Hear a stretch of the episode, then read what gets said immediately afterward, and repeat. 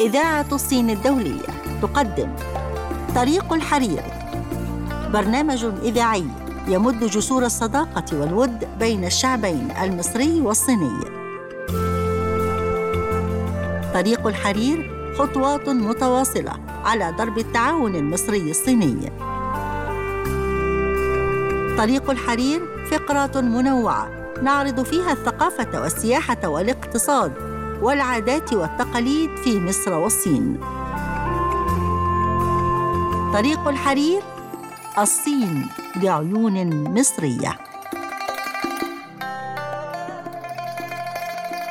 مستمعينا الأعزاء أهلا ومرحبا بكم في حلقة جديدة من برنامجكم طريق الحرير في طريق الحرير نلقي الضوء على العلاقات المصرية الصينية عبر العصور المختلفة. طريق الحرير الثقافة والاقتصاد والمجتمع والسياحه والفنون. جوانب ترابط لا تنتهي ومظاهر حضارية تاريخية. طريق الحرير طريق ممتد بين الحضارة الصينية والمصرية. في طريق الحرير نلقي الضوء على كل الجوانب المشتركة بين البلدين. كل هذا فقط في طريق الحرير. ومعكم في التقديم محمد العربي وإيمان مصطفى.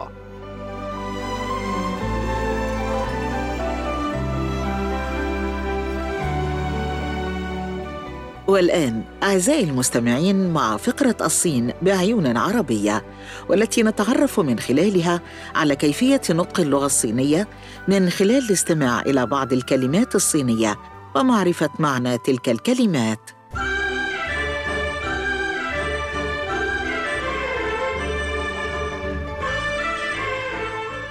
تقول الحكمة الصينية: إذا وقفت أكثر مما وقعت ولو بمرة واحدة فستنجح، والتي تعني باللغة الصينية وتلك الحكمة الصينية تعني أنك حين تلحق بك هزيمة أو خسارة أو فشل فلا بد لك أن تعود بسرعة لتقف على قدميك مرة أخرى ومن جديد. وإن تأخرت في الوقوف مرة أخرى فحينها فقط ستكون قد خسرت فعلا كل شيء. مستمعينا الكرام وصلنا إلى ختام فقرتنا الصين بعيون عربية. فاصل قصير يعود بعده الزميل محمد العربي والفقرة التالية في برنامجكم طريق الحرير فكونوا معنا. كان يا مكان كنا في مكان أنا وصحابي مزيكا والجو تمام. قام حصل إيه؟ إلا أنا ما كنتش عامل حسابي عليه. عدى قصادي حد مش عادي. عدى خطفني وكمل مشيه من سكات. ويا ما شفت كتير لكن حلاوته نستني كل اللي فات. زيه في الدنيا مش هلاقي والدليل اللي أنا فيه. رحت واعترفت باعجابي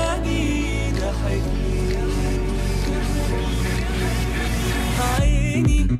في عينيه ضحكنا يا عيني. خدت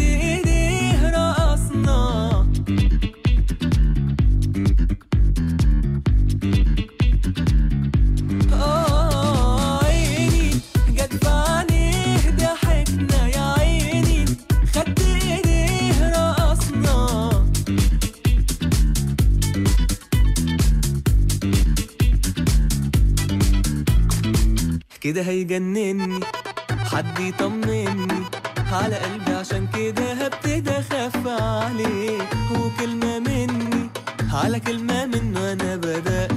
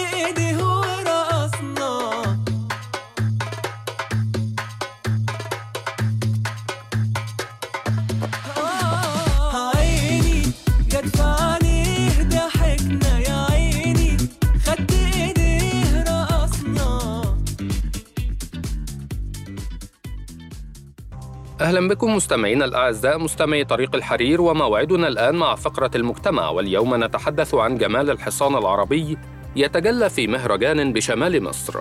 ظهر حصان كاستنائي عربي مصري داخل مضمار رملي بينما كان يحرك رجليه برشاقة كما لو كان يرقص على أنغام الموسيقى العربية المصاحبة في الخلفية. وذلك وسط إعجاب المتفرجين خلال المهرجان الذي أقامته جمعية لتربية الخيول في محافظة الشرقية.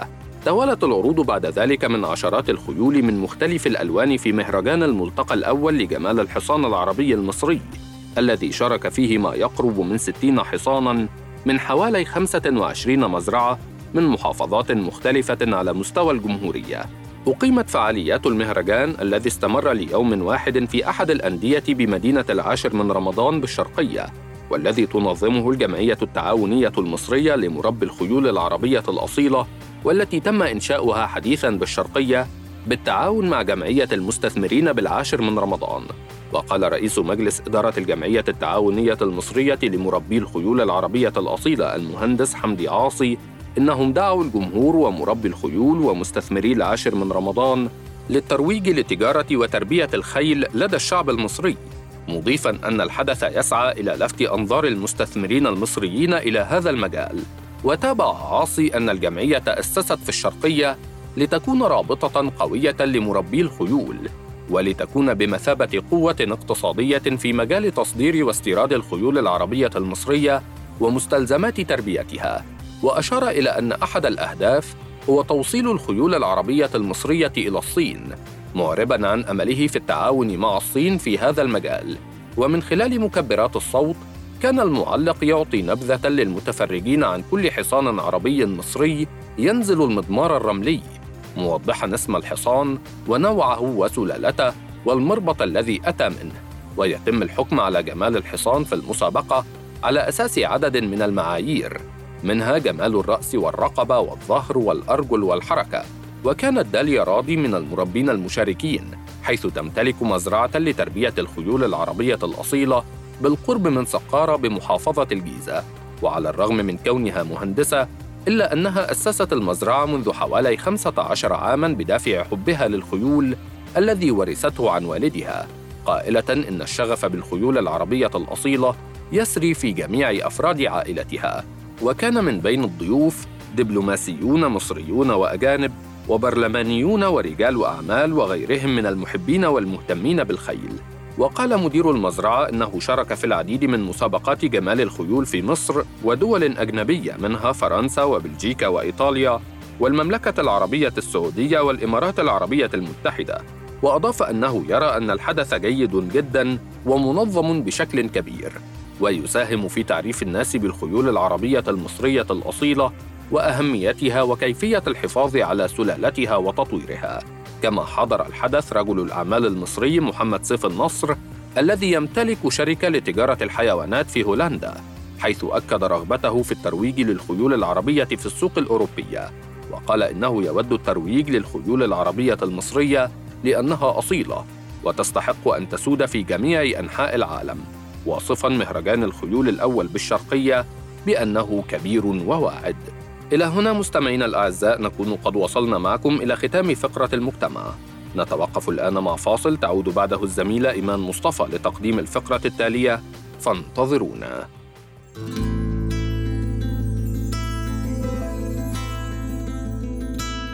حاسة بيك. عارفة إنك نفسك أبقى بين إيديك. ليه مخبي وانت بان شوقك عليك. حاسة بيك حس بيا خلاص هتقتلني الظنون مش كفاية تقول بحبك بالعيون حاسة بيك عارفة إنك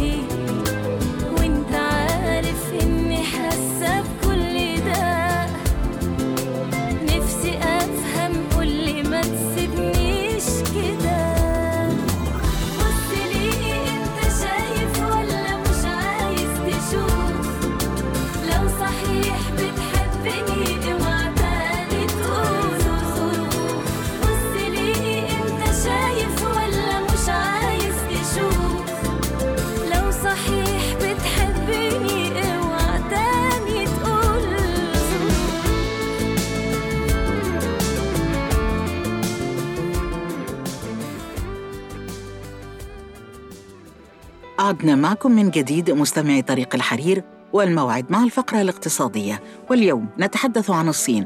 تكشف عن خطة لتعزيز شبكات النقل فيها بحلول عام 2025 كشفت الصين عن خطة تحدد أهدافا رئيسية لتنمية شبكة النقل خلال فترة الخطة الخمسية الرابعة عشرة والتي تبدأ من عام 2021 إلى 2025 وبحسب وثيقة رسمية أصدرها مجلس الدولة الصيني سيتم تمديد الطول الإجمالي لشبكة السكك الحديد فائقة السرعة إلى 50 ألف كيلومتر في عام 2025 بارتفاع من 38 ألف كيلومتر في عام 2020 فيما ستغطي شبكة السكك الحديد بسرعة 150 كيلومتر فما فوق 95% من المدن الصينية. التي يتجاوز تعداد قاطنيها 500 ألف نسمة وسيكون لدى البلاد 165 ألف كيلومتر من السكك الحديد في عام 2025 بارتفاع من 146 ألف كيلومتر المسجلة في الأعوام الخمس الماضية وأكثر من 270 مطارا مدنيا بارتفاع عن 241 مطارا مدنيا و10 ألاف كيلومتر من خطوط مترو الأنفاق في المدن بارتفاع من 6600 كيلومتر و190 ألف كيلومتر من خطوط الطرق السريعة بارتفاع من 161 ألف كيلومتر و18500 كيلومتر من الممرات المائية الداخلية عالية المستوى بارتفاع من 16100 كيلومتر. وأضافت الوثيقة أن نظام النقل في البلاد سيكون أيضا أكثر صداقة للبيئة حيث ستبلغ نسبة الحافلات العاملة بالطاقة الجديدة في المدن 72% لتتحسن عن النسبة المعنية المسجلة ب 66.2% كما سيتم تقليص كثافة انبعاثات ثاني أكسيد الكربون من قطاع النقل بنسبة 5% ويتمثل الهدف الرئيسي في تحقيق تنمية متكاملة حتى عام 2025 وإنجاز اختراقات ملموسة في التحول الذكي والأخضر لنظام النقل بحسب الخطة الصادرة. وبالتطلع قدما نحو عام 2035 تستهدف الخطة المذكورة بناء دوائر واحد واثنين وثلاثة لرحلات الركاب ونقل البضائع والسلع. ويعني ذلك أن زمن السفر داخل المدن وتجمعات المدن وبين المدن الضخمة سيتم اختصاره إلى ساعة واحدة وساعتين وثلاث ساعات على التوالي كما سيمكن أيضا تسليم البريد المرسل عبر خدمات البريد السريع في غضون يوم واحد داخل الصين ويومين فيما لو تم الإرسال إلى الدول المجاورة وثلاثة أيام فيما لو كان الإرسال إلى مدن عالمية رئيسية. وحتى عام 2025 ستتمتع سلامة نقل الحبوب والطاقة والخامات بضمان أقوى كما ستتم حماية سلاسل الإمدادات اللوجستية الدولية بشكل أفضل بحسب الخطة. كما سيتم أيضا العمل على تحسين التواصل الدولي حيث سيتم بذل جهود خاصة لتعزيز البنية التحتية للنقل مع دول مجاورة. ودفع التنمية عالية الجودة لخطوط قطارات الشحن بين الصين وأوروبا إلى جانب بناء طريق الحرير الجوي وغير ذلك من التحسينات في هذا الصدد.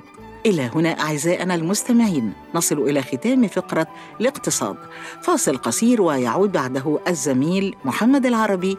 الفقرة التالية في برنامجكم طريق الحرير فكونوا معنا.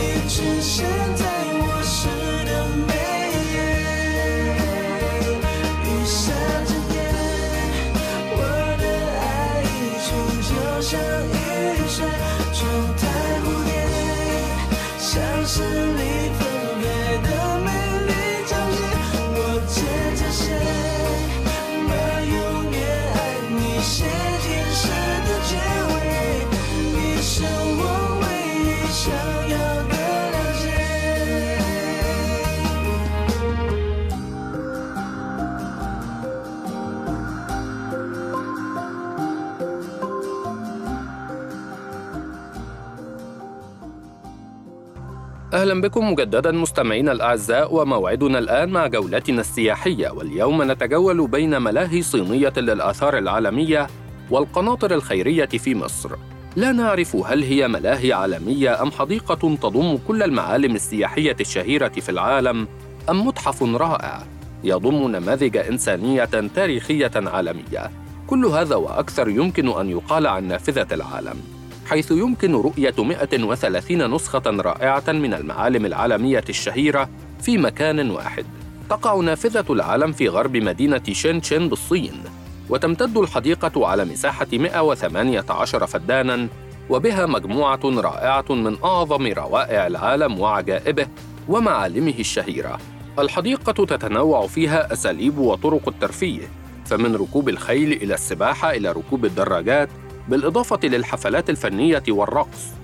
وبمجرد دخول الحديقة سترى برج إيفال يجاوره برج بيزا المائل ثم كاتدرائية نوتردام حيث أن لأوروبا نصيب الأسد في المعالم التي استنسختها الحديقة وبنت نموذجاً مشابهاً لها كما ستجد الأهرامات وأبو الهول ومنارة الإسكندرية بالإضافة لآثار أمريكية مثل تمثال الحرية والطوطم في غرب أمريكا بالإضافة لآثار آسيا من تاج محل إلى الميراليون في سنغافورة. كما يمكن للسائح تعلم بعض المهارات مثل كيفية استخدام القوس أو التمتع بالمغامرة وركوب التلفريك خلال الغابات الاستوائية أو التمتع بالتزلج على جبال الألب الممتعة حيث تمتد المنحدرات لأكثر من أربعة آلاف متر. كما تستقبل الحديقة الكثير من المهرجانات والمناسبات الخاصة والوطنية سواء الصينية أو العالمية مثل مهرجان الكرز في اليابان والأسبوع الثقافي الهندي وتحاكي مظاهر احتفاله أيضاً. ومن الصين ننتقل بجولتنا إلى مصر وبالتحديد إلى حدائق القناطر الخيرية والتي تمتلك شهرة كبيرة بالقليوبية على نهر النيل، فهي المحببة عبر التاريخ إلى قلوب ملوك ورؤساء مصر. إنها حدائق القناطر الخيرية صاحبة المناظر الخلابة بين فرعي دمياط ورشيد. وتتميز بضمها للعديد من الأنواع النادرة من الأشجار التي يعود عمر بعضها إلى مئات السنوات. وتضم حدائق الري بالقناطر الخيرية عشر حدائق على مساحة 68 فداناً. أكبرها حديقة عفلة التي تبلغ مساحتها 13 فداناً. وتضم العديد من أندر الأشجار في العالم. وهي تقع على البر الأيسر لفرع دمياط بين قناطر محمد علي القديمة والجديدة. وتطل على النيل بواجهة ساحرة لممشى أهل مصر وتتميز بوجود أنواع من الأشجار الفريدة المعمرة التي يزيد عمر بعضها عن مئة عام مثل التين البنغالي.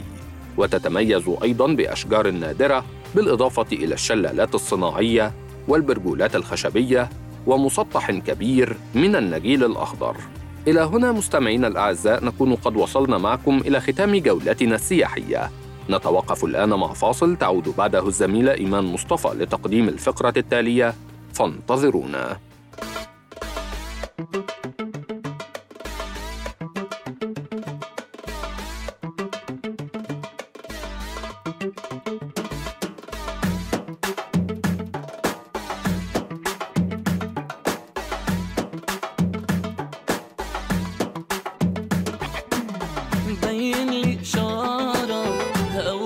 أمارة. لو مكسوف تتكلم خلي عينك يتكلموا. خد ودي معايا عيني عد حكاية كل اللي شافوك رفعوا الراية البيضة وسلموا. من يوم يا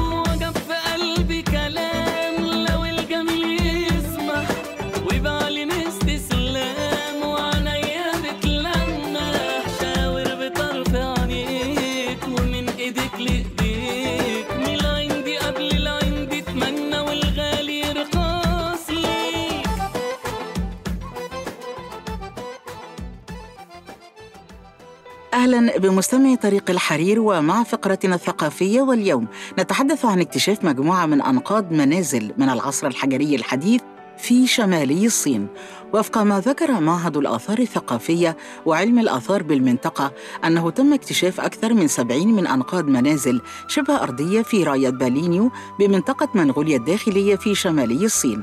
ويضم موقع وولان توقا الذي يغطي مساحة نحو 20 ألف متر مربع ويعود تاريخه إلى عصور ما قبل التاريخ أنقاضا لمنازل تعود إلى العصر الحجري الحديث كما تم اكتشاف أكثر من 40 حفرة رماد وقبر واحد في الموقع.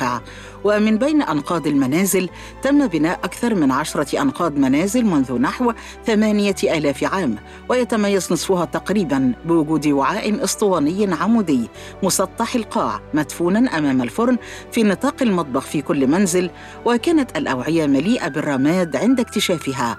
ومن النادر جدا اكتشاف مثل هذا المرفق المتمثل في الوعاء المدفون أمام الفرن بين الأطلال خلال نفس الفترة مما يضفي أهمية كبيرة على دراسته. كما تم العثور على أدوات حجرية وأواني عظمية وفخارية وغيرها من الآثار بالموقع ويعتقد أن بعض الأدوات الحجرية على شكل ألواح والتي تم اكتشافها أثناء التنقيب تمثل النموذج الأولي للأجراس الحجرية في أوقات لاحقة. وفي الثقافة أيضا نتحدث عن دار الأوبرا تحتفل بمئوية منير مراد. نظمت دار الأوبرا المصرية احتفالية بمناسبة مئوية الفنان منير مراد وأحيتها الفرقة الموسيقية بقيادة المايسترو محمد الموجي على المسرح الكبير. وتضمن البرنامج مجموعة من إبداعات الراحل التي شكلت علامات بارزة في تاريخ الموسيقى العربية. يذكر أن منير مراد فنان مصري تميز بالمواهب المتعددة التي تنوعت بين التمثيل والغناء والتلحين حيث اشتهرت ألحانه وأعماله السينمائية بالطابع الاستعراضي الراقص. ولد في الثالث عشر من يناير عام 1922 بمحافظة القاهرة وهو ابن الملحن زكي مراد وشقيق الفنانة ليلى مراد. عشق الفن منذ طفولته وترك من أجله دراسته بالكلية الفرنسية فبدأ مشواره كمغني ديني بالمعبد اليهودي إلى أن دخل عالم السينما كعامل كلاكات ثم عمل مساعد مخرج في 24 فيلما بأربعينيات القرن الماضي وتدرج في عالم الموسيقى والغناء. ويعد أحد رواد الموسيقى الراقصة والاستعراضية في مصر حيث وضع أشهر ألحان الاستعراضات وفي مجال التمثيل تميز أيضا بدور البطولة في فيلمي أنا وحبيبي ونهارك سعيد ودور صغير في فيلم موعد مع إبليس واستعراض راقص في فيلم بنت الحتة. إلا أن المونولوج الكوميدي محدش شاف الذي قلد به عددا من كبار الفنانين هو أشهر أعماله على الإطلاق وتوفي منير مراد في السابع عشر من أكتوبر عام 1981 وصلنا مستمعين لنهاية فقرتنا الثقافية والتي نتمنى أن تكون نالت إعجابكم. وبهذا أعزائنا المستمعين نكون قد وصلنا معكم لنهاية حلقتنا اليوم من طريق الحرير والذي يأتيكم بالتعاون مع إذاعة الصين الدولية. وإلى اللقاء وحلقة جديدة من طريق الحرير. كان معكم في هذه الحلقة إيمان مصطفى. ومحمد العربي. رئيس التحرير. هبة رجب. فريق الإعداد ولاء العقاد ومنى حسن إخراج وليد إمام. هندسة الصوت كريم سيد.